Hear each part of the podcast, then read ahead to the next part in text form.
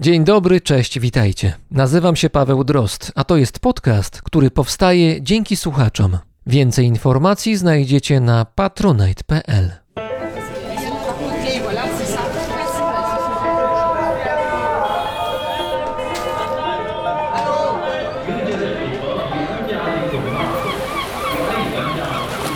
Brzmienie świata z lotu Drozda.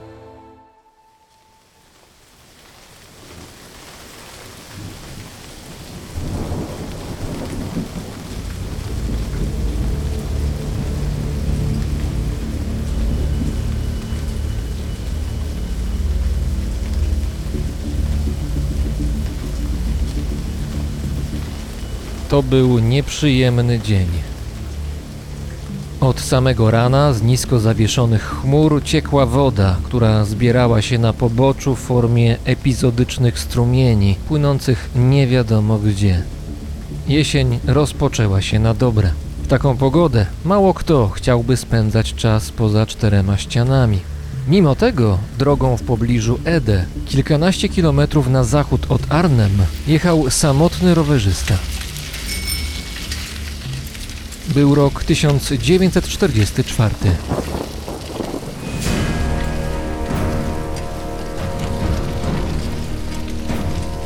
Peter Jensen sprawiał wrażenie, jakby deszcz nie robił na nim wrażenia. Z niesłabnącą siłą naciskał na pedały, co jakiś czas przecierając tylko oczy, gdy woda utrudniała widzenie. Tą drogą jechał nie pierwszy raz. Na wyjeździe z miasta jak zwykle minął niemiecki posterunek. Kiwnął do żołnierzy przyjaźnie, ale podobnie jak w poprzednich dniach odprowadziły go znudzone spojrzenia wartowników. Po drogach kręciły się ciężarówki i wozy opancerzone. Niedaleko rzeki zauważył ukryte w krzakach czołgi. Niemcy byli w gotowości, ponieważ niedaleko, gdzieś po drugiej stronie Renu, czaili się alianci. Kilka tygodni temu udało się odeprzeć atak ich spadochroniarzy, ale nie było wątpliwości, że spróbują ponownie.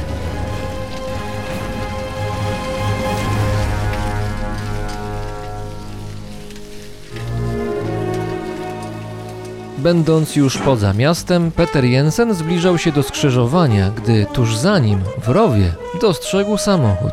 Wokół niego zgromadziło się kilku żołnierzy Wehrmachtu, wśród nich oficerowie. Ponaglając się wzajemnie, próbowali wypchnąć auto z powrotem na drogę.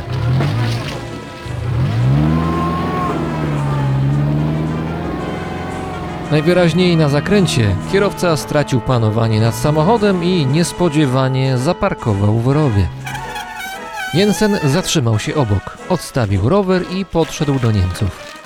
Gdy go zobaczyli, gestem wskazał, że chce pomóc. Kiwnęli głową i wszyscy naparli na samochód. Ten w końcu drgnął i po chwili jego cztery koła z powrotem znalazły się na asfalcie. Jeden z Niemców podziękował krótkim danke, ale pozostali wytłumaczyli mu, że to nie ma sensu. Jensen ani nie mówił, ani nie słyszał. Znali go, często jeździł rowerem po okolicy. Uścisnęli mu więc dłoń i bez słowa odjechali w swoją stronę. Peter Jensen odprowadził ich wzrokiem. Za kilka tygodni opowie tę historię w Londynie, a teraz, do szczęścia, brakowało mu tylko jednego. Jego parasola.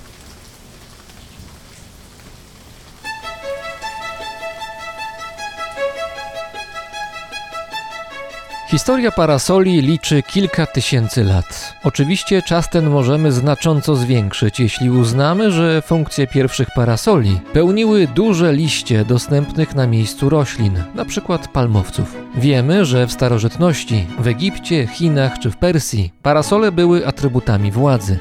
Do naszych czasów przetrwała na przykład płaskorzeźba, która przedstawia króla Xerxesa, tego, który pod Termopilami walczył z wojskami Sparty, oraz jego służących, którzy nad głową trzymają mu parasol. Podobną ochronę na przestrzeni wieków zyskiwały wyobrażenia bogów czy ludzi świętych w różnych religiach świata. Najstarsze starożytne parasole chroniły przed słońcem. Wykonywano je z piór, liści, skór oraz różnego rodzaju tkanin, np. z jedwabiu, a w Azji Wschodniej również z papieru. Ich wzmocnione, zwykle olejowane wersje miały też funkcję przeciwdeszczową. W Europie parasole długo nie były rozpowszechnione. Początkowo istniały niemal wyłącznie jako nieporęczne urządzenia będące na wyposażeniu dorożek obsługujących arystokrację. Taki parasol noszony był przez służącego i zwykle zapewniał ochronę na krótkim dystansie od dorożki do budynku. W XVII wieku, przede wszystkim we Francji, a później w Anglii, parasole były już na wyposażeniu większości eleganckich kobiet stroniących od słońca. W wieku XVIII urządzenie to stało się lżejsze i łatwiejsze do noszenia, a w Europie zyskało wreszcie przeciwdeszczowe zadanie.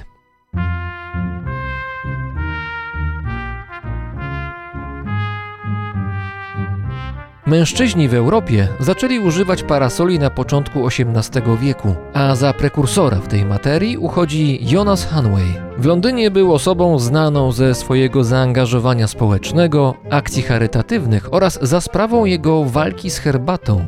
Hanway uważał bowiem, że picie herbaty jest szkodliwe dla zdrowia. Poza tym, jego zdaniem, wpływała ona negatywnie na państwo, w tym na stan gospodarki. Chodząc po ulicach Londynu w deszczową pogodę, nosił przy sobie parasol. Zwracał nim na siebie uwagę oraz wzbudzał gniew dorożkarzy. Ci bali się o swój biznes. Gdy padało, ich dzienny zarobek wzrastał, ponieważ klienci unikali deszczu, przemieszczając się wynajętymi dorożkami. Parasol był więc dla nich konkurencją, a Jonas Hanway prorokiem gorszych czasów. Parasolowa rewolucja była nieunikniona. Korzystali ludzie, a ofiarami okazały się wieloryby. Na te zwierzęta polowano ze względu na ich tłuszcz, mięso, olej, ambrę oraz fiszbiny. Fiszbiny są częścią ciała fiszbinowców. Fiszbinowców, które tworzą jedną z dużych grup waleni. Fiszbiny służyły ludziom m.in. do konstruowania usztywnień gorsetów oraz jako element konstrukcji parasoli. W XVIII wieku używano już parasoli składanych w sposób, który znamy współcześnie. Opatentowano również mechanizm, który otwierał parasol po naciśnięciu przycisku. Te unowocześnione urządzenia były powszechne i praktyczne, ale miały wadę, która charakteryzuje je do dziś. Żeby mogły chronić przed deszczem, trzeba było wcześniej wziąć je z domu. Mając na uwadze nieprzewidziane okoliczności, stworzono więc wypożyczalnie parasoli. Te dość często nie wracały do miejsca pochodzenia, dlatego zaczęto je numerować, co ułatwiało policji ewentualne interwencje. Ostatnia znacząca zmiana miała miejsce w latach 20. XX wieku, gdy pojawiają się pierwsze parasole kieszonkowe, których rączka składa się jak teleskop.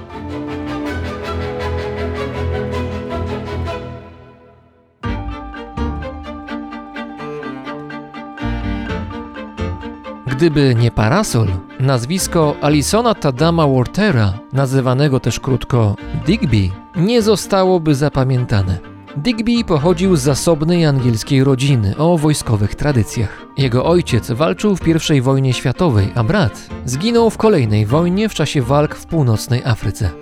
Digby uchodził za ekscentryka. Znana była jego słabość do polowań przy użyciu oszczepu, którą to pasję praktykował w czasie służby w Indiach. Mimo tego uznawany był za zdolnego oficera, który potrafi działać w warunkach skrajnej presji i odpowiednio dowodzić podwładnymi. Te umiejętności przydały się, gdy Digby wziął udział w walkach na terenie okupowanej Holandii, co później zauważono w Hollywood.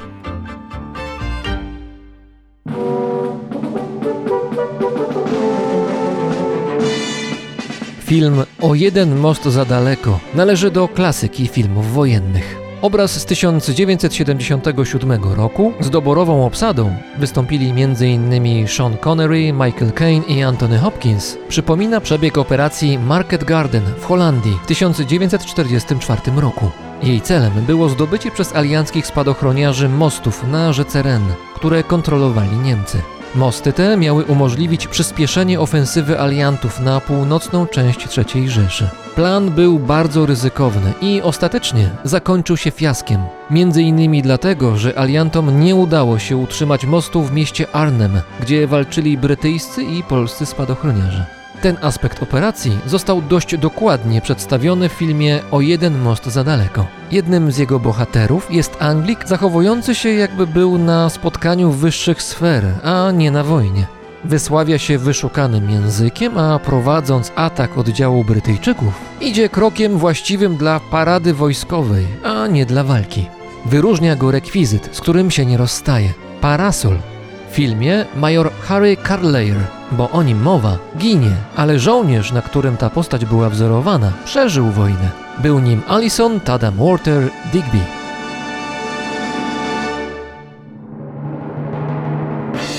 Opowieści o wyczynach Digbiego w Holandii mogą wydawać się przesadzone, niemniej zostały nieźle udokumentowane. Arnem Anglik wyróżniał się zimną krwią, znakomitym dowodzeniem i faktycznie pojawiał się z klasycznym czarnym parasolem. Czasem otwierał go nad głową, mówiąc, że to ochrona przed pociskami oraz działanie prewencyjne na wypadek, gdyby miał spaść deszcz. Podczas jednego z kilku starć z wojskami niemieckimi, Digby miał zatrzymać nieprzyjacielski pojazd opancerzony przy pomocy parasola, wkładając go do środka przez niewielki włas i rażąc w ten sposób kierowcę. Digby twierdził, że w czasie wojny nosił przy sobie parasol, ponieważ nie pamiętał zmieniających się co chwilę haseł wojskowych, a ów przedmiot był jego przepustką, ponieważ świadczył niezbicie o jego brytyjskości. Dodatkowym atrybutem ekscentrycznego żołnierza na pewien czas stał się też znaleziony przypadkiem melonik, taki sam, dzięki któremu pamiętamy Charlie'ego Chaplina. Operacja Market Garden zakończyła się bolesną porażką aliantów. Ranny Digby trafił do niemieckiego szpitala. Uciekł z niego przy pierwszej okazji i z pomocą holenderskiego ruchu oporu ukrył się w jednej z pobliskich miejscowości. Holendrzy zapewnili mu fałszywe dokumenty na nazwisko Peter Jensen. Miał to być głuchoniemy syn holenderskiego prawnika. Mając wygodną, przybraną tożsamość, nie musiał przecież ani mówić, ani rozumieć tego, co do niego mówią. Digby mógł poruszać się po okolicy w świetle dnia. Korzystał przy tym z roweru. Był opanowany i pewny siebie, a zachowywał się tak swobodnie, że nie wzbudzał podejrzeń Niemców, mimo że niektórzy z nich stacjonowali w tym samym budynku, w którym Digby mieszkał jako Peter Jensen. Wycieczki Digbiego miały jeden cel: pozostawać w kontakcie z holenderskim ruchem oporu oraz ponad setką alianckich żołnierzy, którzy po porażce operacji Market Garden w różnych kryjówkach ukrywali się przed Niemcami. Żołnierze ci mieli broń i żywność dzięki zrzutom z brytyjskich samolotów. Miesiąc później Digby poprowadził 138 uzbrojonych ludzi do rzeki Ren, skąd wszyscy, unikając walki, mieli przeprawić się na drugą stronę, którą kontrolowali alianci. Trudna operacja o kryptonimie Pegasus powiodła się i żołnierze wrócili do domu. Po wojnie Alison Digby Tatam Water osiadł w Kenii, gdzie kupił ziemię. Jako jeden z pierwszych w Afryce organizował safari w nowym stylu. Jego goście polowali na zwierzęta nie przy użyciu broni, lecz aparatami fotograficznymi. W późniejszych latach wspierał dążenia niepodległościowe byłych brytyjskich kolonii, co nie zapewniało mu sympatii miejscowych rodaków. Zmarł w Kenii w 1993 roku w wieku 75 lat.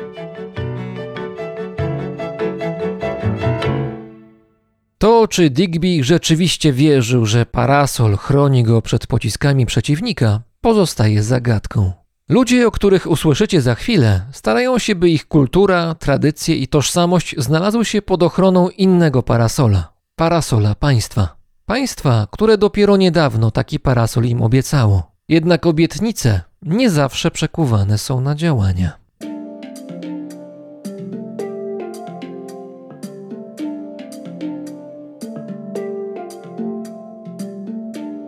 Mauembi, Pouvoir Magique, Flávia Coelho.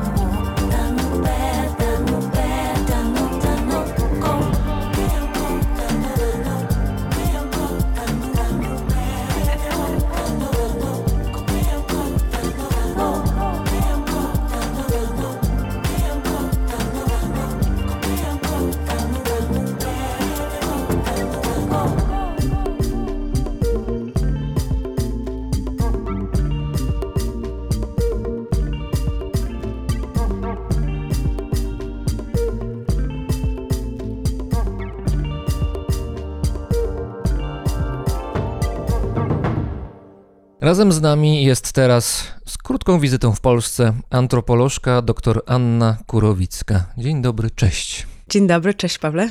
Będziemy rozmawiać o Brazylii, a w szczególności będziemy koncentrować się na środkowo-wschodniej czy północno-wschodniej części tego kraju.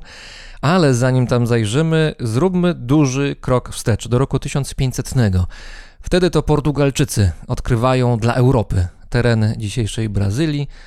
Tylko, że oczywiście wcześniej na tym samym obszarze mieszkali już ludzie, rdzenni mieszkańcy Ameryki Południowej, których pewnie zdziwił widok statków na horyzoncie. Cały region Brazylii, nie tylko wybrzeże, do którego przypłynął Pedro Álvarez Cabral, było zamieszkane przez bardzo wiele różnych ludów. Istnieje taka mapa nawet, która została stworzona w połowie XX wieku, ale która bazuje na danych z wielu lat na temat tego, ile tych grup etnicznych było. Na dzień dzisiejszy ludności rdzennej w Brazylii jest około 900 tysięcy osób, czyli troszeczkę poniżej miliona. Biorąc pod uwagę kraj tak duży jak Brazylia, gdzie mieszka 217 milionów ludzi, stanowi to około 0,5% ludzi. Jest ponad 300 grup etnicznych i ponad 160 różnych języków. Dla porównania, w tym momencie, kiedy przypłynął Pedro Álvarez Cabral, szacuje się, że było tych języków około tysiąca. Czyli z tego tysiąca zeszliśmy do 160 języków w różnych procesach dominacji, które dotknęły tą ludność rdzenną. Tutaj mówimy między innymi o chorobach, które Europejczycy przywieźli ze sobą. Europejczycy na pewno przywieźli choroby, ale czasami ci ludzie nie musieli nawet czekać na to, żeby zachorować, gdyż byli wyniszczani w sposób bardziej bezpośredni. Mordy na ludności rdzennej były na porządku dziennym od początku, kiedy tylko biały człowiek stanął na lądzie, który dzisiaj nazywany jest państwem Brazylia. Od tego 1500 roku, kiedy Portugalczycy, a ja bym powiedziała też, że i Europejczycy przybywają do kawałku wybrzeża, który później staje się częścią wielkiego państwa Brazylia, zaczyna się proces kolonizacji, który polega na tym, żeby sobie jakoś podporządkować tę ludność rdzenną. Nie chodzi o to, żeby wszystkich wybić, ale chodzi o to, żeby tę ludność wykorzystać. W związku z czym ludność rdzenna w Brazylii to są pierwsi niewolnicy. Na początku tą kolonizacją zajmują się misjonarze, jezuici, no i oni zajmują się tym, żeby tę ludność rdzenną najpierw osadzać, tworząc tak zwane wioski. Ale w jakim sensie osadzać? No, oni nie byli wcześniej osadzeni? Niekoniecznie. Z reguły były to grupy nomadzkie, które nawet jeżeli konstruowały jakieś osady, były one raczej prowizoryczne i były one z czymś innym niż właśnie te wioski tworzone przez misjonarzy. Także ten taki pomysł wioski indyjskiej, który może nam się wydawać czymś normalnym, naturalnym i takim pierwotnym, jeżeli chodzi o tę ludność rdzenną, jest jak najbardziej wymysłem kolonizacji. Wiadomo, że jak kogoś się gdzieś osadzi, jest go łatwiej kontrolować, także jest łatwiej go zmieniać, dostosowywać do tego, jakim chcemy, żeby był, czyli na przykład rozdzielano grupy etniczne i robiono takie mieszanki, gdzie ludzie byli z różnych grup, w związku z czym nie mogli się między sobą porozumiewać tak łatwo i musieli się uczyć nowego języka. Tym językiem był portugalski pewnie. Na początku nie właśnie. Na początku misjonarze, kiedy kolonizowali ludność rdzenną, oni stworzyli taki język, który się nazywał Tupi. Pochodzi on od największej grupy lingwistycznej z tamtego okresu, to była grupa Tupinamba. To był taki język, którym się mieli posługiwać ta ludność rdzenna zgromadzona przez misjonarzy.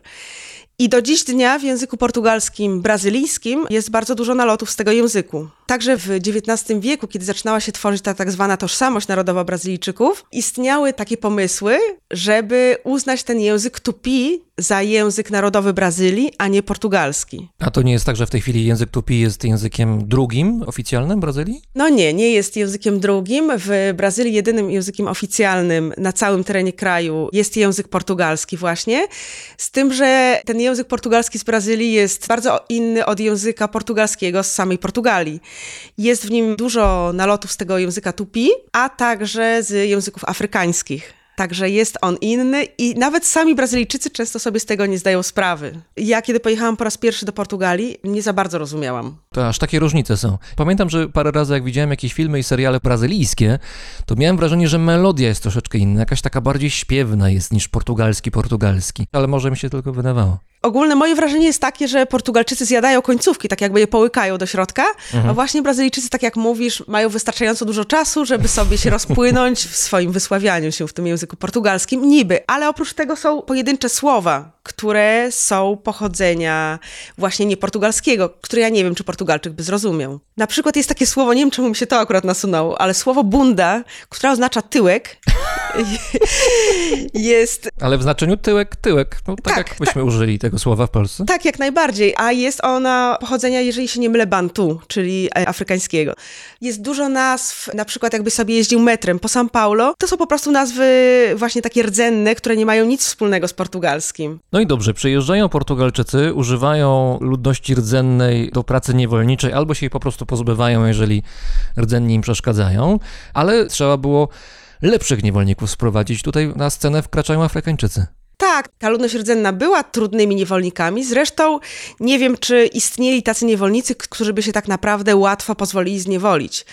Bo musimy o tym pamiętać, że zniewoleni ludzie zawsze stawiają w jakiś sposób opór, choćby dlatego, że oni mają nie za dużo do stracenia. Bo tacy niewolnicy na plantacjach przeżywali z reguły do pięciu lat. Także albo ucieknę i coś postaram się z tym zrobić, albo i tak umrę. Także ta ludność rdzenna, wymieszana w tych misjach jezuickich, ona też uciekała i tworzyła swoje osady, niezależne od tych misjonarzy. Ale uciekali od czego? No bo ci, którzy mieszkali w osadach misjonarzy, rozumiem, że niewolnikami nie byli, tylko byli zamknięci w pewnych ramach kulturowych, które Europejczycy im stworzyli, ale drzwi były otwarte na zewnątrz. Nie, nie, nie, oni byli niewolnikami, oczywiście, oni Aha. musieli pracować. Oni, oni Czyli musi- misja, ale jednocześnie praca. Tak, tak, tak. No ta misja chrześcijańska polegała na tym, żeby im wdrożyć pewne wartości związane też z pracą, w związku z czym oni uciekali. I to jest ciekawe, że tak, uciekali, najpierw uciekała ta ludność rdzenna, później, kiedy zaczęto sprowadzać ludzi z Afryki, porwanych z Afryki i zaczęto ich zniewalać w Ameryce Południowej, oni też uciekali. Często były to osady, które się łączyły w jakiś sposób, one się mieszały. I w takich osadach mogli się znajdować także biali, którzy z jakichś względów nie nadawali się do ogólnego społeczeństwa kolonialnego, na przykład dezerterzy z wojska. A ci biali byli przyjmowani przez rdzenną ludność jako, jako ludzie nasi, swoi? No widać, że tak, skoro pojawiają się o tym wzmianki w dokumentach archiwalnych. Możemy znaleźć o tym informację, że też byli tacy biali. I co ciekawe, jeszcze tutaj wracając do tego słownictwa i nazewnictwa, istnieją głównie dwa słowa na określenie takich osad w Brazylii i oba są pochodzenia afrykańskiego. Jedno to jest quilombo i drugie to jest mocambo. Quilombo to były te osady uciekinierów pochodzenia afrykańskiego. Do ludności rdzennej używano tylko tego określenia mocambo i tylko określenia, które miało swoje pochodzenie właśnie w językach z kontynentu afrykańskiego. I tutaj dochodzimy do jednej z grup rdzennej ludności współczesnej Brazylii, do ludu czy grupy, plemienia, to zaraz możesz mi wyjaśnić, jak najlepiej mówić. Patasio. Oni zamieszkują właśnie te tereny, gdzie przybyli pierwsi Portugalczycy w XVI wieku. Ludy Patasio zamieszkiwały tereny, do których przybył Pedro Alvarez Cabral. Są na ten temat wzmianki i w pamięci też tego ludu Patasio. Oni w swoich piosenkach, w swoich historiach często nawiązują właśnie do tego, do tej inwazji statków portugalskich, od których zaczęła się kolonizacja. Patasio. To, co wydaje mi się jest istotne, zanim zaczniemy o nich opowiadać, bo oni będą głównym tematem, jednym z głównych tematów naszej rozmowy, to jest to, że Wbrew powszechnej opinii w Polsce na przykład, ludy rdzenne Brazylii nie koncentrują się tylko i wyłącznie na terenie Amazonii. Oni są rozsiani na terenie całego kraju, między innymi właśnie Patasio. No tak, to jest na pewno bardzo ważna kwestia, o której nie możemy zapominać. Jest taka ogólnie przyjęta opinia, że ludność rdzenna znajduje się tylko lub głównie w Amazonii. Nie jest to prawdą. Jest to taki przesąd, z którym walczy zresztą ruch ludności rdzennej w Brazylii, żeby przestaną tak o tym myśleć. 60% tej ludności rdzennej zamieszkuje Amazonię. W Brazylii się mówi bardziej o regionie północy. Mhm. Natomiast 40% tej ludności zamieszkuje inne obszary kraju. Tutaj tak dochodzimy też trochę, zaraz wrócimy do Patasio może, ale dochodzimy też do trochę innej kwestii też. Na jakiej podstawie się stwierdza to, że ktoś jest tą ludnością rdzenną lub nią nie jest? Mhm. Według tego, co sobie wywalczył ten ruch ludności rdzennej lub ruch mniejszości, grup etnicznych, które walczą o swoje prawa, to oni sami stwierdzają, czy są, czy nie są tą ludnością rdzenną. To znaczy, jeżeli ja się czuję, że taki właśnie jestem, to taki jestem. To taki właśnie jesteś, masz do tego prawo. Z reguły się prosi też o poparcie grupy, z jakiej się wywodzisz, żeby ona na przykład powiedziała, jeżeli ty mówisz, ja jestem Patasio, no to zapytają się na przykład przywódców Patasio, czy faktycznie Paweł Drozd ma jakichś krewnych wśród tej grupy. Jest mała szansa. No, ale zapytać zawsze można. W związku z tym od lat 90. XX wieku w Brazylii wciąż wzrasta liczba ludności rdzennej. A, czyli to postępuje, czyli coraz więcej grup deklaruje się jako rdzenni mieszkańcy. Tak, na przykład w latach 70. mówiono już o zupełnym schyłku, o takiej końcówce tej ludności rdzennej, która już powinna niedługo zupełnie zniknąć. Natomiast od lat 90. tych ludzi jest coraz więcej, tej ludności rdzennej. A dzieje się tak dlatego, że w roku 85, 1985 kończy się dyktatura wojskowa w Brazylii. Później w 88 jest uchwalana nowa konstytucja i sukcesywnie powstaje coraz więcej praw i coraz więcej tak jakby przestrzeni politycznej do tego, żeby mówić o sobie, że jest się rdzennym mieszkańcem Brazylii. Przede wszystkim kończy się prześladowanie ludności rdzennej. Czyli ci ludzie przestali się bać, można powiedzieć. Dokładnie. Ludzie przestali się bać, przestali się bać tego, żeby powiedzieć o sobie, że są na przykład członkami grupy Kajapo, Krenaki, właśnie Patasio na przykład. A jak to wyglądało w czasie dyktatury wojskowej przed 1985 rokiem z punktu widzenia grup rdzennych? Dyktatura wojskowa jest takim smutnym okresem dla większości przynajmniej Brazylijczyków. No nie, Bolsonaro mówi, że to był świetny czas i chciałby wrócić do tego. Tak, jest mniejszość, której by się to może spodobało, ale jednak większość póki co tego nie popiera. Natomiast ja bym mogła nawet tak, Pawle, powiedzieć trochę szerzej, nie tylko o dyktaturze, ale że od tego 1500 roku, kiedy to Portugalczycy przypłynęli do lądów współczesnej Brazylii, rozpoczął się taki bardzo ciemny okres, który trwał aż do momentu uchwalenia nowej konstytucji w 1988 roku. Był to właśnie okres niewolenia, przesiedleń, mordów, prześladowań, chowania się swoim pochodzeniem, ze swoimi obyczajami, ze swoim językiem. I mam takie dwa przykłady z czasów dyktatury. Jeden to są właśnie ośrodki poprawcze dla ludności Krenaki, to jest taki lud ze stanu Minas Gerais, gdzie stosowane różne formy zdyscyplinowania przy użyciu tortur osób, które nie chciały wejść, że tak powiem, w takie kolejny, jakie zostały wyznaczone ludności rdzennej. To mówimy o jakim okresie? XX wiek? To jest XX wiek już. A drugim przykładem mogłaby być budowa szosy transamazońskiej, która przechodziła przez tereny wielu społeczności rdzennych i w procesie budowy tej szosy, to była końcówka lat 70., został zrzucony napalm na tą ludność rdzenną, tak samo jak w Wietnamie. I teraz sobie przypomniałam, że ja nie powiedziałam o jednej bardzo ważnej rzeczy. To, że jedną z form kontroli, dominacji tej ludności rdzennej była tutela. Nie wiem, czy to dobrze brzmi po polsku, to może użyjemy tego słowa kontrola. To znaczy, oni byli traktowani jak dzieci osoby, które należały do ludności rdzennych, nie miały prawa o sobie stanowić. To znaczy mówisz o mocy prawnej, to znaczy, że nie, nie mogli prawnie czegoś wykonywać, ktoś musiał to robić za nich? Nie mogli niczego wykonywać prawnie. Oni musieli mieć zawsze przedstawicieli prawnych. Oni nawet jak chcieli wyjechać ze swojego terytorium w jakieś inne miejsce czy do jakiegoś miasta, musieli prosić o zgodę. Byli traktowani jeszcze w czasie dyktatury wojskowej w kodeksie cywilnym, tak jak dzieci albo osoby niepełnosprawne umysłowo. Także ten rok 1988 jest takim ważnym momentem zwrotnym w sytuacji tej ludności rdzennej w Brazylii. Konstytucja, mówisz o konstytucji O teraz. konstytucji, tak. Dlatego, że po raz pierwszy nie tylko uznaje prawa do ziemi, to jest bardzo ważne, ta konstytucja uznaje prawa do ziemi tej ludności rdzennej, zobowiązuje państwo do wyznaczenia i ochrony tych ziem. Państwo dostaje na to okres pięciu lat, dotychczas to nie zostało dokończone. Ale też właśnie zdejmuje się kontrolę, ten nadzór nad tą ludnością rdzenną.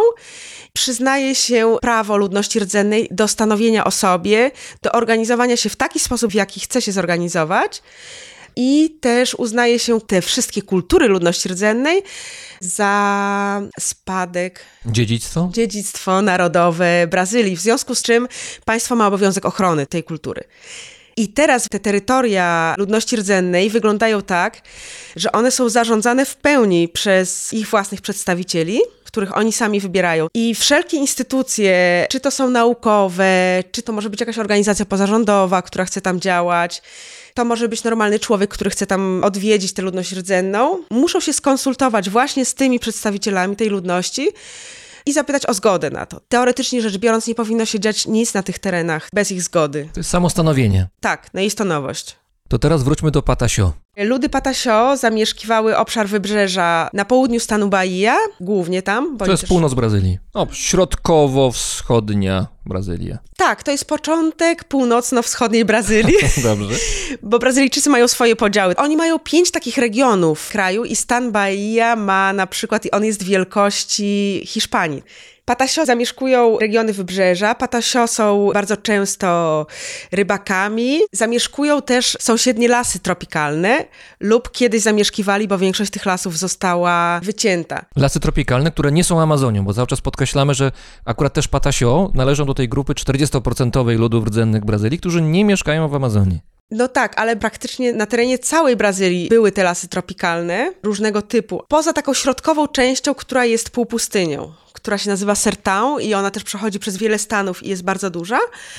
No ale dziś większość tych lasów została wykarczowana i faktycznie tam, gdzie one naprawdę są wciąż wielkie i gęste, to jest na północy kraju, czyli w Amazonii. Tu możemy zauważyć coś takiego ciekawego, że z jednej strony ten Pedro Alvarez Cabral przypływa właśnie tam najpierw, stan Bahia w tym 1500 roku, ale Patasio wciąż istnieją jako grupa. I zostaną dopiero osadzeni, uwioskowani, jeżeli mogą tak przerobić słowo portugalskie, w roku 1861. Dopiero wtedy zaczyna się ich osadzać, zmusza się ich do sedentaryzmu, czyli do tego, żeby przestali się przemieszczać po swoim terytorium, tylko żeby zamieszkali wioskę. Ich główna wioska to Barra Velha, którą oni nazywają wioską matką. A dlaczego ci Patasio przez tak długi okres czasu wciąż mogli sobie swobodnie być tam na tym swoim terytorium? Od 1500 roku do 1860. To jest bardzo długi okres czasu. Kolonizatorem pasowało to, żeby obszar od portu do stanu Minas Gerais, to musiałby sobie słuchacz zobaczyć na mapie niestety, ale jest to taki obszar może 500 kilometrów. W Minas Gerais są największe złoża, są złoża złota, są złoża różnych surowców. I tym kolonizatorom pasowało to, żeby był taki obszar właśnie zakonserwowanego lasu, gdzie są dzikie zwierzęta i w którym są tak zwani dzicy Indianie, bo to utrudniłoby dopłynięcie i dotarcie do tych złóż osobom z innych państw europejskich na przykład. Naturalna bariera miała być. Tak, także Patasio stanowili taką naturalną barierę, natomiast w 1860 roku zaczęli być osadzani i oni sobie tak dosyć spokojnie żyli do połowy XX wieku. To znaczy spokojnie, oni mniej więcej im się udało uciekać od tego, że ich chcieli osadzić, jak chcieli sobie gdzieś pójść, to i tak poszli, bo nikt tak nie znał lasu jak oni. Natomiast w połowie XX wieku Patasio padają ofiarą masakry i ta masakra jest organizowana niestety, ale to przez państwo brazylijskie, które to w podstępny sposób stwarza konflikt w regionie Patasio z pobliskimi miasteczkami, osadami. Te osoby z pobliskich miasteczek, osad zaczynają wołać policję. Z drugiej strony też przyjeżdża policja i tak jakby na linii ognia znajdują się Patasio. Policja wchodzi do ich wiosek, wyciąga ich na siłę ze swoich domów, dzieją się tam rzeczy makabryczne, dochodzi do morderstw i tortur na ludności Patasio i ta ludność się zaczyna rozchodzić. Uciekają, rozumiem, tak? Tak, oni zaczynają uciekać z tego swojego terytorium. A o co w tym wszystkim chodzi? Chodzi o to, że rząd brazylijski postanowił, że na tych terenach należy stworzyć park narodowy, który będzie się później nazywał Parque Nacional do Monte Pascoal. Ten park narodowy ma obejmować głównie obszar takiej góry o nazwie Monte Pascoal właśnie, czyli Góra Pascala, która w historiografii brazylijskiej jest uważana za pierwszy ląd, który Pedro Álvarez Cabral zobaczył z morza. To miało symboliczne znaczenie. Tak, i tam właśnie postanawia się, że zostanie stworzony ten park narodowy i w tworzeniu parku narodowego przeszkadzają bardzo Patasio. W związku z czym no, oni uciekają i zajmuje im gdzieś z 10 lat to, żeby zacząć wracać na swoje terytoria, do swoich wiosek. Wracają tylko w części i po powrocie okazuje się, że nie można łowić ryb, nie można polować, nie można... Bo tam już jest ten park narodowy tak, w tym miejscu. Tak, bo jest to park narodowy, nie można uprawiać nic, no w związku z czym jest to okres głodu, kiedy to oni opowiadają, jak to żywili się głównie skorupiakami z rzeki. Tam jest dużo takich rzek, które się napełniają z przypływem i odpływem i oni po prostu tam zbierają różne muszle, raki, a także takie charakterystyczne dla tego regionu owoce mangaba i tym głównie się żywią. Jeżeli cokolwiek hodują, to muszą te hodowle, te plantacje swoje mini ukrywać, tak żeby pracownicy parku nie mogli ich znaleźć. W międzyczasie nie tylko z części ich ziem został stworzony park narodowy, ale też przybyli hodowcy bydła, czyli tak zwani latyfundyści. Tutaj mówimy o hodowlach bydła na dużych bardzo przestrzeniach. To nie jest, nie wiem, jeden hektar, dwa hektary, tylko mówimy o setkach czy tysiącach hektarów pewnie nawet. Te latyfundia, na których y, hoduje się bydło w przypadku Brazylii są często takiej wielkości, że jak tam się wjedzie samochodem, to tam by trzeba przez dwie godziny przynajmniej jechać, żeby przez to przejechać. Także to są bardzo duże obszary. Tam często jest kilka wiosek w środku w takim latyfundium. To są państwa w państwie tak jakby. Także ci latyfundyści, oni też zagarnęli sobie kawałki tych ziem, które kiedyś zamieszkiwali tylko Patasio. Oprócz tego w latach 70. buduje się w tym rejonie drogę, bo Brazylia to jest taki kraj, gdzie nie ma często dróg. I budowa drogi nie oznacza tylko to, że tam będzie transport, że tam będzie można dojechać autobusem na przykład, czy że ktoś będzie mógł kogoś łatwiej odwiedzić, tylko to często chodzi właśnie o to, że coś się będzie stamtąd albo wydobywać, albo wycinać. To jest pas transmisyjny, żeby coś wywozić. Dokładnie, więc te drogi często są kilometrowe, kilometrowe i proste i tam się nic nie dzieje, tylko jest prosta i prosta droga, która służy do wywózki surowców naturalnych, surowców mineralnych zależnych. I taką drogę też robią w okolicach miejsca, gdzie znajdowali się Patasio. W związku z czym to ułatwia tym latyfundystom eksploatowanie ziem Patasio. Oprócz tego zaczyna się oczywiście wycinka tych bogatych lasów tropikalnych, które najpierw zostają sprzedane, a później wchodzą tam firmy celulozowe, czyli te, które robią na przykład dla nas papier toaletowy i zamieniają te lasy zróżnicowane bardzo ekologicznie, lasy tropikalne, na takie wielkie plantacje eukaliptusów. Nazywane są zielonymi pustyniami w Brazylii, takie lasy. A dlaczego akurat eukaliptus? Bo to jest tak jak u nas sosna. Eukaliptus bardzo szybko rośnie, daje dużo drewna, no i to się po prostu opłaca, żeby szybko celulozy dużo produkować. I ten cały region jest porośnięty teraz eukaliptusami, oprócz tego są wielkie hodowle krów. Jest bardzo dużo ludzi bezziemnych, to jest charakterystyka wielu regionów Brazylii, czyli takich ludzi, którzy chodzą tak jakby prawie że z workiem na plecach z jednego miejsca do drugiego. Jak mogą się osiąść, to zrobią sobie jakiś domek, jak ich przepędzą, to dalej idą. A kim są ci ludzie zazwyczaj? No właśnie, kim są ci ludzie? To jest ciekawe, bo w tych takich całych podziałach na to, że mamy tutaj niby ludność rdzenną, tak ładnie wyodrębnioną, a tutaj mamy ludność na przykład czarną, a tutaj białą, to się może tak wydawać, że to wszystko jest takie jasne i klarowne. A tak nie jest. Przecież ci ludzie, którzy są bezziemni, mogą pochodzić być może od właśnie tych takich kilombos czy mokambos z przeszłości. Tutaj ja w ogóle chciałabym też powiedzieć, że zarówno ludność rdzenna, jak i tutaj ci kilombosi, o których mówię, ale może pozostanę przy ludności rdzennej, żeby już tak się nie rozchodzić, oni nie tylko nie mieszkają wyłącznie w Amazonii, oni mieszkają w miastach. 38% tej ludności rdzennej mieszka w miastach różne stereotypy właśnie dotyczące rdzennych Brazylijczyków, którzy mieliby być tacy bardzo wtopieni w tą naturę, w tą przyrodę, mieszkać w jakichś niesamowitych puszczach, to często nie jest tak. Oczywiście istnieją grupy, nawet takie, które w ogóle nie miały kontaktu ze społecznością nierdzenną, grupy izolowane, ale z drugiej strony istnieją wioski, które miasto wchłonęło, rozrastając się, a także istnieją rdzenni Brazylijczycy, którzy po prostu wyjechali do miasta w poszukiwaniu pracy z różnych powodów, albo dlatego, że, że właśnie konflikty terytorialne na, na ich ziemiach są tak duże, że nie miało sensu dłużej tam być, przynajmniej z ich perspektywy. Ale oni wciąż tą ludnością rdzenną są i obecnie spisy ludności w Brazylii uwzględniają ich też jako rdzennych mieszkańców. Ilu jest Patasio w tej chwili? O jak dużej grupie mówimy? Obecnie stanowią trochę ponad 11 tysięcy osób i mieszkają oni w różnych terytoriach uznanych lub nieuznanych przez państwo brazylijskie, głównie właśnie tam na południu tego stanu Bahia. Tutaj rozmawiamy o tej ludności rdzennej poza obszarami Amazonii.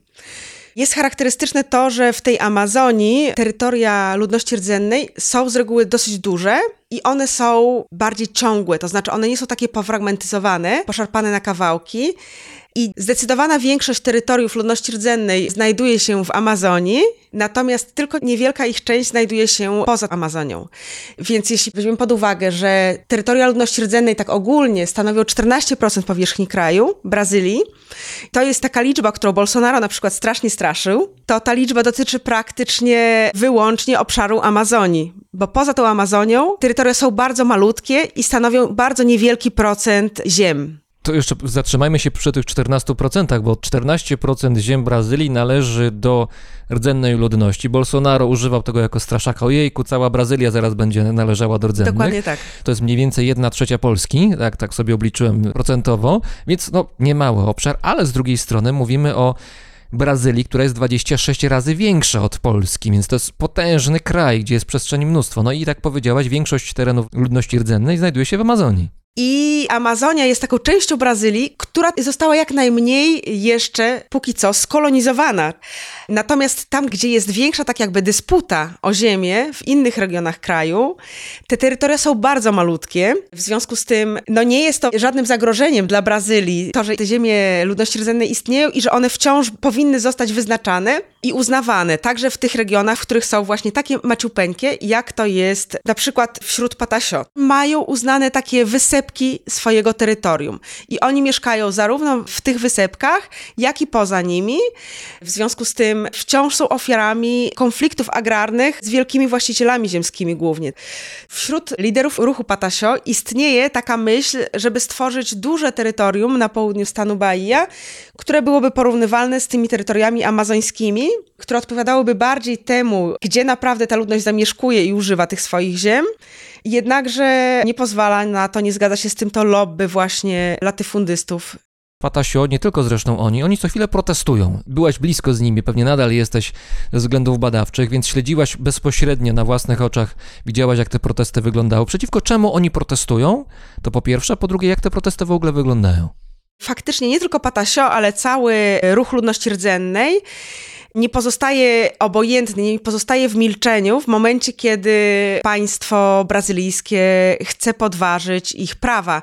A tak się działo w sposób ewidentny teraz za kadencji Jaira Bolsonaro kiedy na przestrzeni paru miesięcy głosowano nad nowym projektem prawa, który w ostateczności odebrałby zarówno Patasio, jak i innym ludom rdzennym prawo do ziemi, czyli ich konstytucyjne prawo. No właśnie, ale jak można zmienić y, jakąś ustawą konstytucję?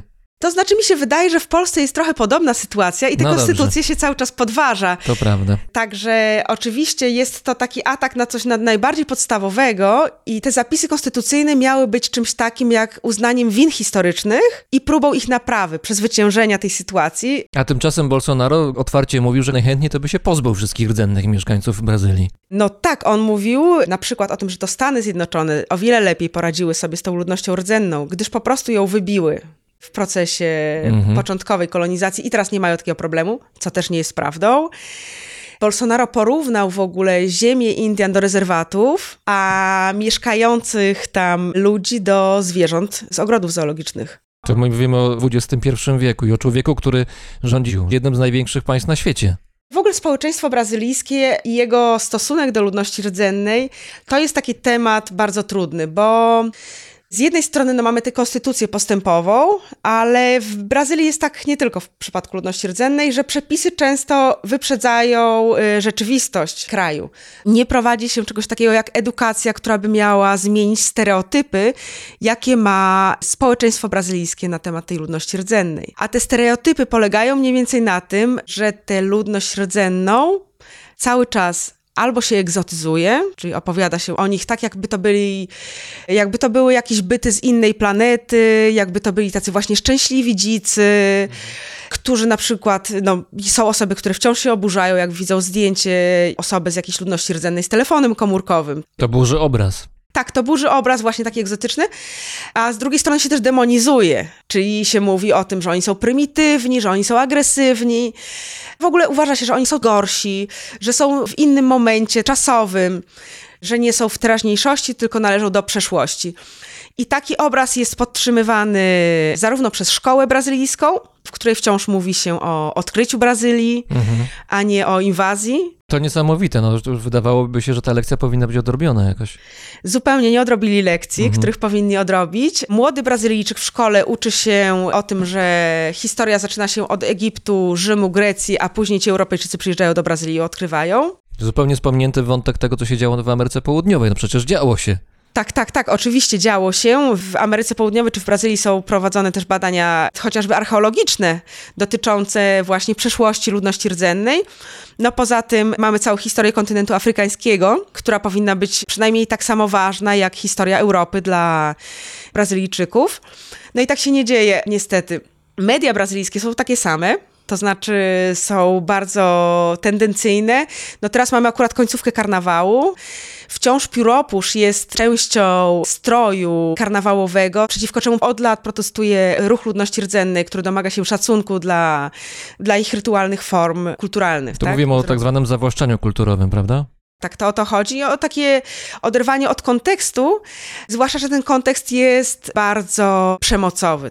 Nie jest to kontekst łagodny i to też nie jest tak, ja tutaj Bolsonaro absolutnie nie usprawiedliwiam, ale niestety to nie jest tak, że przemoc w stosunku do ludności rdzennej kończy się z konstytucją i zaczyna się jakiś dobry okres, który tylko Bolsonaro przerywa. Tylko, że w Brazylii jeszcze nie było rządu, który by naprawdę podszedł poważnie do kwestii ludności rdzennej.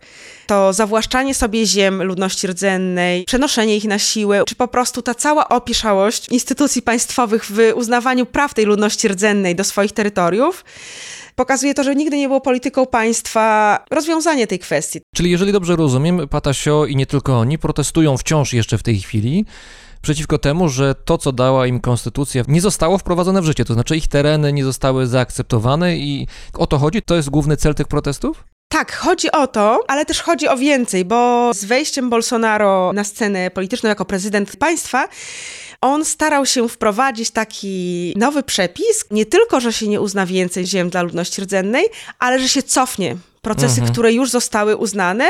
Pomysł zupełnie absurdalny. No i różne grupy etniczne protestowały na różne sposoby, a w przypadku Patasio oni na przykład zamykali właśnie tę drogę, o której mówiłam, że została wybudowana w latach No 70. właśnie, jak oni protestują? W jaki sposób? No właśnie, jak protestować, jak się mieszka, ich ziemia jest w takim miejscu trochę oddalonym od świata, powiedzmy. No, do niektórych miejsc można dojechać drogą asfaltową, ale później już one asfaltowe nie są.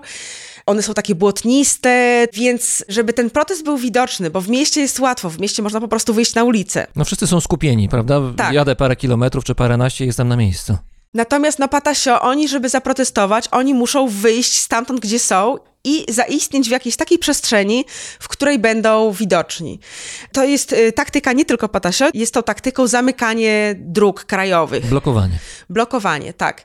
Żeby zamknąć tę drogę, oni ściągają wielkie kłody drzewa, takie, które normalny człowiek sam nie przeciągnie z jednego miejsca na drugie, wieszają swoje transparenty i zaczynają swój wielki rytuał. Jest y, jedna pieśń, którą Patasio stworzyli o Bolsonaro, którą śpiewa się w całej Brazylii. A jaki jest tekst tej piosenki? Tekst piosenki mówi o tym, że Bahia, czyli to jest ta ziemia Patasio, Mhm. Bahia jest ziemią kokosa. Zresztą Bahia faktycznie jest znana w całym kraju z tego, że są tam wielkie plantacje kokosowca. I w początkowej części pieśni się chwali smak i świeżość tego kokosa z Bahii. A później śpiewa się o tym, jak zostanie do tego kokosowca przywiązany Bolsonaro i jak wymierzą im sprawiedliwość e, Mhm. ta ludność rdzenna. Czyli dość konkretny tekst. Widziałem zdjęcia twoje z tych protestów, bo brałaś w nich udział jako obserwatorka. E, No, masz z tą ludnością bezpośredni kontakt, jakoś zaakceptowali cię jako osobę i też jako badaczkę. To, co mnie uderzyło, to jest to, że to była grupa bardzo międzypokoleniowa. Były dzieci, była młodzież, ludzie starsi, ludzie w podeszłym wieku. Ze wszelkich możliwych pokoleń ludzie tam się pojawili i chodzili, nie wiem, czy w kółko, czy jakoś tam się pojawiali, ubrani, jak rozumiem, w tradycyjne stroje. No, niesamowite to było to, że to było pospolite ruszenie, tak mi się to wydaje przynajmniej po zdjęciach. Tak, faktycznie te demonstracje mają taki charakter wielopokoleniowy. Tam jest bardzo dużo kobiet i oni też przykładają dużą uwagę do tego, żeby dzieci od jak najmłodszych lat brały udział w tych wydarzeniach. Z tymi dziećmi możesz sobie porozmawiać i one ci dokładnie wytłumaczą, o co tam chodzi. Mają świadomość. Mają świadomość tego, a ja także rozmawiając czasami z właśnie z jakimiś starszymi, którzy od dziecka biorą udział w takich demonstracjach, manifestacjach, formach oporu, oni mają swoje własne wspomnienia z dzieciństwa. To nie jest ostatnie kilka lat, tylko to są już dekady w niektórych przypadkach. Tak, to tak naprawdę trwa od roku 1500. No, aż tak daleko chyba nie, nie chodzili, nie blokowali dróg od roku 1500. To znaczy nie było drogi wtedy, No także właśnie. może to nie było blokowanie dróg, ale zawsze były te formy oporu. To mogło być podpalanie czegoś, to mogło być... A Patasio tak na to właśnie patrzą, jako pewien rodzaj kontynuacji dzieła, które zostało rozpoczęte kilkaset lat wstecz? Oczywiście, oni to w ten Aha. sposób odbierają. Tak, tak. I Patasio są uważani za lud wojowniczy. Także z Patasio trzeba się liczyć. Poza tym właśnie to, o czym wspominałam, że nie było takiego momentu w historii ludu Patasio, w historii ludów rdzennych w Brazylii, kiedy byliby oni tak naprawdę szanowani. Więc oni są zawsze w gotowości. I mi się wydaje, że to jest taka charakterystyka, którą może tracimy czasami, przyzwyczajając się do pewnej wygody, w jakiej żyjemy, że jest nam dobrze, no i zapominamy trochę, jak się organizować. W przypadku Patasio, jeżeli jednego dnia pojawiła się propozycja, że ma być taki projekt prawny, który odbierze im prawa do ziemi, następnego dnia są zamykane wszystkie drogi. Działa to bardzo szybko, sprawnie. Od razu przyjeżdżają autobusy pełne ludzi, bo oni też mają swoje sposoby tego, żeby zdobyć bardzo szybko środki na to, żeby na przykład wynająć autobus.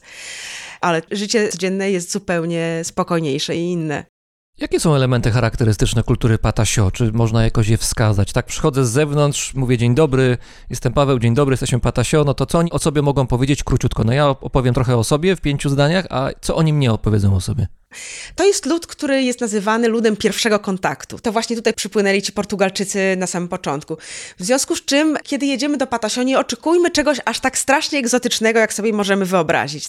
Patasio są znani bardzo z tego, że robią ozdoby, rękodzielnictwo z nasion. I to rękodzielnictwo z nasion oni sprzedają zarówno dla turystów, bo to jest region wybrzeża, także tam są turyści, jak i między sobą nawzajem się tym wymieniają lub to sprzedają, a także nawet dla innych grup, jako właśnie takie stroje rytualne na protesty. Patasio, którzy mieszkają w okolicach nadmorskich, no na pewno mają dużą kulturę kulinarną związaną z jedzeniem ryb i tych wszystkich różnych skorupiaków, raków, tego wszystkiego, czego my tutaj w Polsce nie mamy. Natomiast ci, którzy zamieszkują tereny bardziej takie lesiste, mają dosyć dużą wiedzę, jeżeli chodzi właśnie o drzewa. Na przykład taki spacer z takim patasio jest bardzo ciekawy. On będzie opowiadał o drzewach. Te drzewa będą miały różne imiona właśnie, jeszcze pochodzące z czasów, kiedy ich własny język był żywy. A no właśnie, bo ten język już właściwie nie istnieje, prawda? To znaczy tak, ten język praktycznie zaniknął w procesie kolonizacji i zabroniono im porozumiewania się w ich własnym języku. Pozostał w postaci szczątkowej i zaczęło się też w przypadku Patasio szukanie tego zaginionego języka, więc zaczęły się prace z grupą Masiakali, to są kuzyni Patasio, którzy zamieszkują region już nie wybrzeża, tylko tak jakby z tyłu. To jest grupa etniczna, która miała zupełnie inną strategię niż Patasio w kontakcie z ludnością nierdzenną. Patasio to taki lud, który się bardzo otworzył. Do Patasio jak przyjedziesz, oni ci przyjmą i będziesz ich najlepszym kumplem, możesz spać u nich, możesz z nimi mieszkać. Oni właśnie mówią po portugalsku, oni są otwarci. To był ich sposób na to, żeby nie zostać zanikilowanym, tak samo jak sposób Masiakali był dokładnie odwrotny. Masiakali to taka grupa, która zachowała bardzo dobrze swój język, swoje obyczaje, natomiast nie chce nic wiedzieć o otaczającym ich świecie. Ale to wychodzi na to, że ta druga strategia jest bardziej skuteczna, skoro język tej drugiej grupy jakoś się zachował. Zachował się język, natomiast jeżeli chodzi o poziom życia, o walkę o swoje prawa terytorialne, o to, ilu osobom udało się zdobyć miejsce na przykład na uniwersytetach, Coś za coś. Tutaj Tak. zachowujemy kulturę, ale jednocześnie nie, nie gonimy za tym światem, który jest zaraz obok. Mhm. No ale obie grupy przetrwały. A są oni kuzynami i czasami ci masiakali, oni czasami przychodzą na piechotę do Patasio, a idą tak przynajmniej z jeden dzień cały. I oni tak sobie idą po prostu w odwiedziny i tam sobie u nich siedzą i później znów na piechotę wracają.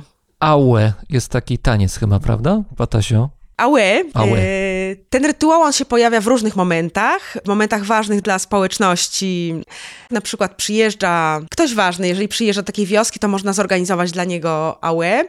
Aue organizuje się też w kontekstach tego oporu. A jak to wygląda? Aue zaczyna się od rytmu wybijanego grzechotkami, takimi specjalnymi, zrobiony z takich małych, to są chyba dynie, wypełnionych nasionami. Później zaczynają się śpiewy. Te śpiewy często odbywają się w języku patasio, czyli paciocha, tak się nazywa ich język. Później przechodzi się do portugalskiego i powoli, powoli wchodzą też bębny i zaczyna się taniec. Ten taniec to jest taki, on nie jest jakiś bardzo rozwinięty, to jest takie bardziej przytupywanie na jedną nogę, a później na drugą i przemieszczanie się z jednego miejsca na drugie, ale jest to taki taniec transowy powiedzmy, to znaczy wchodzi się w pewien rytm i ten taniec może trwać godzinami całymi. No ale właśnie, taniec się nie kończy. Ja siedzę w samochodzie, chciałbym przejechać i nie mogę przejechać. Jak ludzie reagują? Tutaj wracamy do tego wątku, jak Brazylijczycy nierdzenni podchodzą do rdzennych społeczności. Ludzie reagują różnie. Ja jeszcze tylko tak dodam. Patasio zawiadomiają policję o tym, że będą robić taki protest. Także na to miejsce też przyjeżdża policja. Bez obecności policji nie mieliby odwagi zorganizować takiego protestu. Policja stoi po dwóch stronach przed blokadą Patasio. Tak jakby filtruje trochę tych ludzi, kiedy oni się zbliżają. Na barykadach zawsze stoją przywódcy, starszyzna taka stoi, w wielkich pióropuszach pomalowani. I ludzie w samochodach, ja sobie też podchodziłam do tych ludzi, żeby trochę zobaczyć, posłuchać, porozmawiać. Oni się często trochę boją. Ale może patasio. słusznie, no chyba taki jest też zamiar Patasio, żeby trochę pokazać siłę tutaj ze swojej strony. Oczywiście, jest taki zamiar też, chociaż to się wiąże też z tym demonizowaniem, tak? Z tym myśleniem o tym, że to są jacyś dzicy ludzie, którzy są nieobliczalni. No, ale jest też trochę takich ludzi, którzy popierają te protesty i mówią, no szkoda, no stracę cały dzień tutaj stojąc, ale warto. Jest trochę takich ludzi, którzy wychodzą ze swoich samochodów, podchodzą do tych barykad i proszą, żeby sobie zrobić selfie przy barykadzie, tak. Ta ludność jest w pióropuszach i często się też dziwią temu, że ci patasio w ogóle istnieją. Bo właśnie w Brazylii jest wielka niewiedza na ten temat, że ta ludność rdzenna po prostu istnieje. Ale w ogóle, że istnieje, czy że istnieje, ale nie wiemy za bardzo z czym to się je. Nie, że oni w ogóle istnieją tak sobie nagle, bo oni przecież sobie przyjechali na wakacje. Jesteśmy w regionie wybrzeża, tak? Więc tam zawsze ludzie przyjeżdżają na wakacje. No a tutaj nagle wychodzi Indianie w pióropuszu na ulicę. Co to się dzieje? No to jest takie, takie zastanawiające, bo oni się czasami potrafią tak dziwić, jak na przykład jakiś Europejczyk. Także są zupełnie spoza kontekstu swojej własnej kultury. Przedziwne to jest. Mieszkasz w Brazylii chyba już właściwie dekadę, można powiedzieć, z- pewnie z jakimiś przerwami. To już jest spory czas. W zeszłym roku były wybory prezydenckie. Bolsonaro przegrał, nie został prezydentem na drugą kadencję. Wrócił na fotel prezydencki człowiek, którego już znamy, Luis da Silva. Ciekawa postać. Chciałbym się zatrzymać na wydarzeniach, które miały miejsce w styczniu tego roku, 2023, kiedy zwolennicy Bolsonaro przekonani, że wybory zostały sfałszowane, przypuścili, no niektórzy nazywają to atak szturm, nawet takie słowo się pojawia.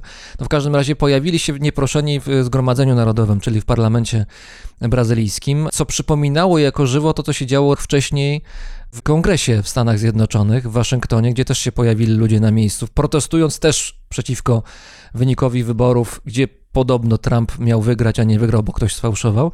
Jak Brazylia zareagowała na to? Te wybory Lula wygrał, ale ja bym powiedziała inaczej. Te wybory wygrał zarówno Lula, jak i Bolsonaro. To odzwierciedla, jak to społeczeństwo brazylijskie jest podzielone.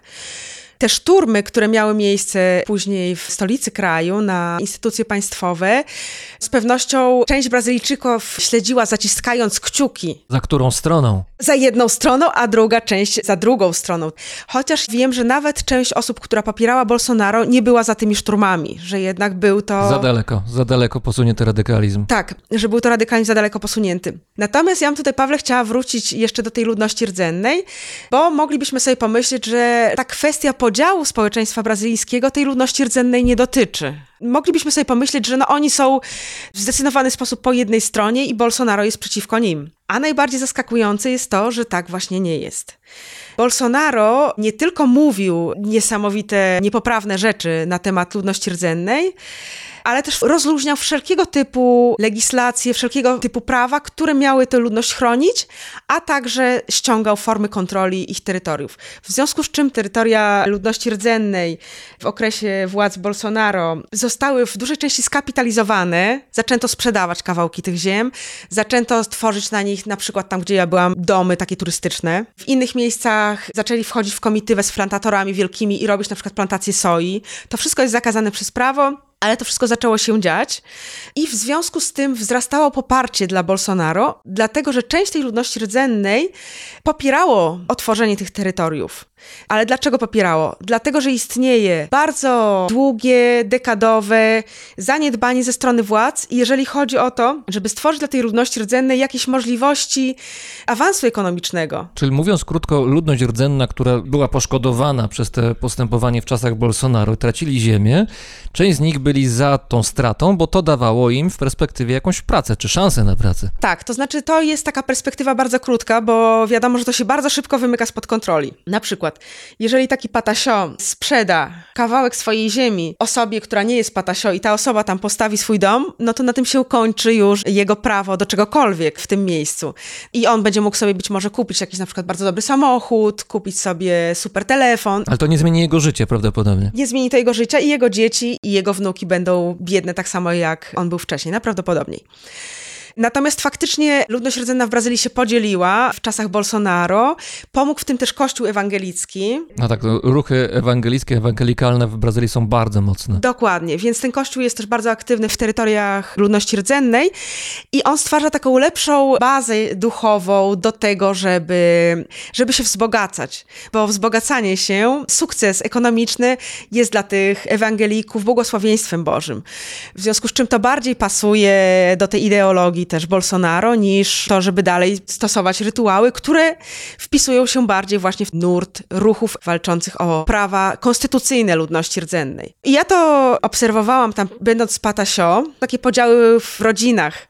Mm. Nagle część rodziny przestaje się odzywać z drugą częścią rodziny. Czyli część patasio na przykład wychodzi na barykady i blokują drogi, a część y, idzie do pracy i puka się w głowę, co tam ci robią. Tak, tak się dzieje. Później, na przykład, jeżeli są jakieś takie momenty rytualne, kiedy normalnie zawsze spotykała się cała ta społeczność, część ewangelicka nie bierze udziału w obchodach, co zmniejsza jedność tej wspólnoty i jej siłę, bo ona się rozprasza. Czy ona się rozpada od wewnątrz, można powiedzieć. Tak, i to jest coś takiego, co się temu Bolsonaro udało i z czym będzie się musiał zmierzyć teraz jakikolwiek rząd.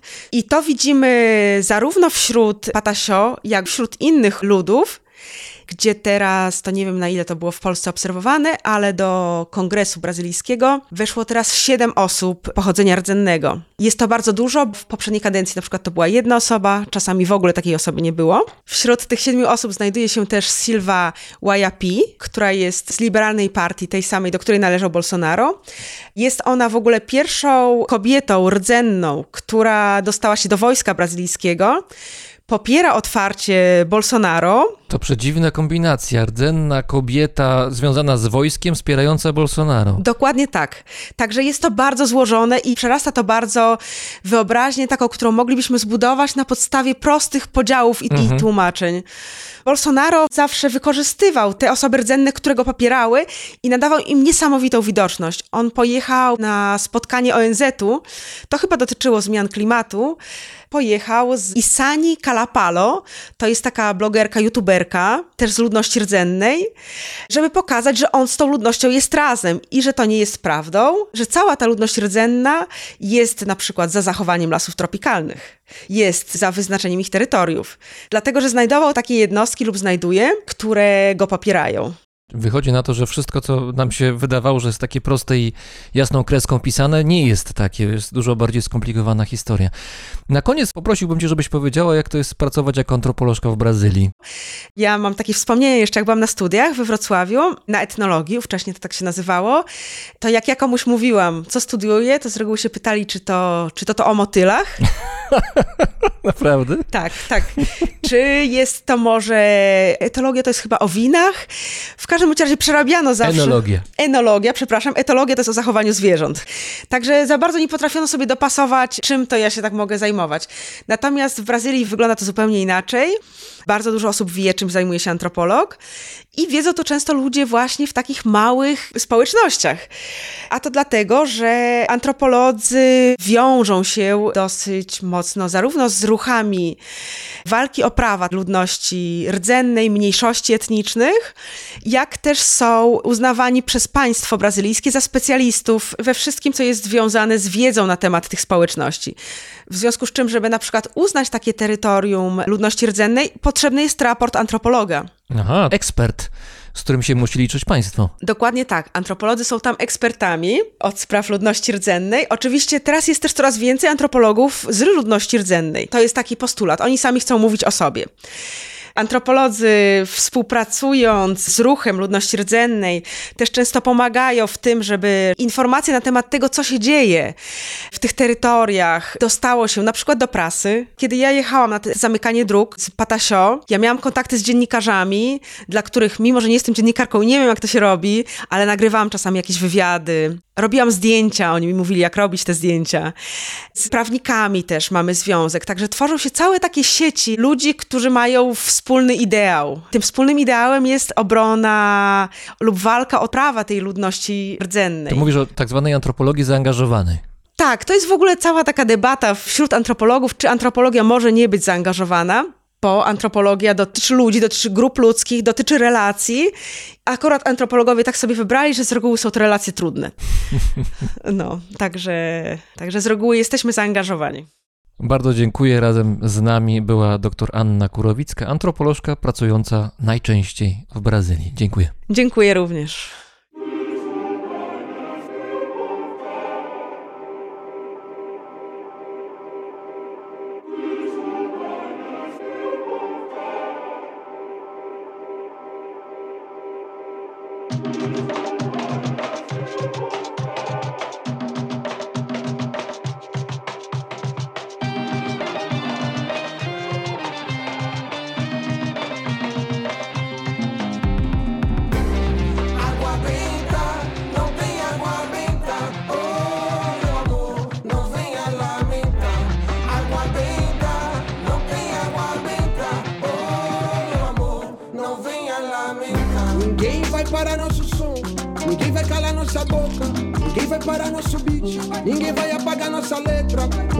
Sangue na boca, meu dente mordendo a medalha de prata. Tira o capu dessa cara, mano. Tira o capu dessa cara dura. Eu sinto minha língua lambina na vale, meu corpo saindo da vala escura.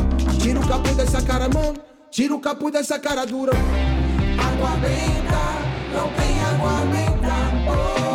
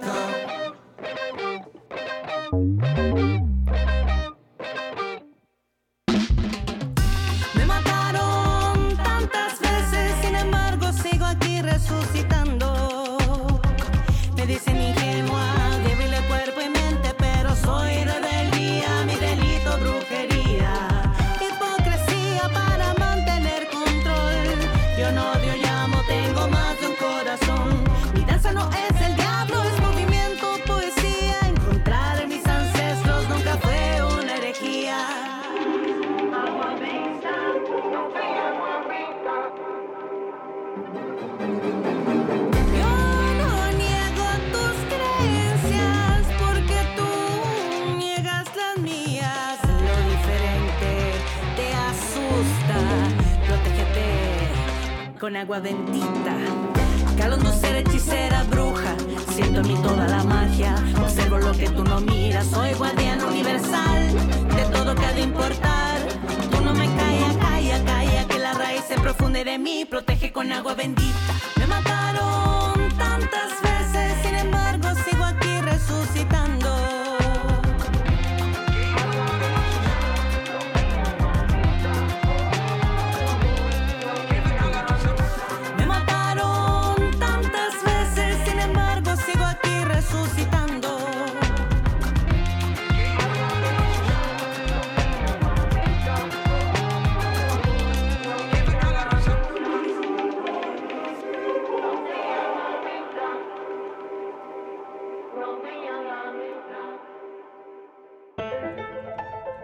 To był 145 odcinek Brzmienia Świata, podcastu, który istnieje dzięki słuchaczom. To hojność wszystkich patronów i patronek sprawia, że w każdą sobotę mogę zaprezentować Wam nowy odcinek audycji, która istnieje niemal 3 lata.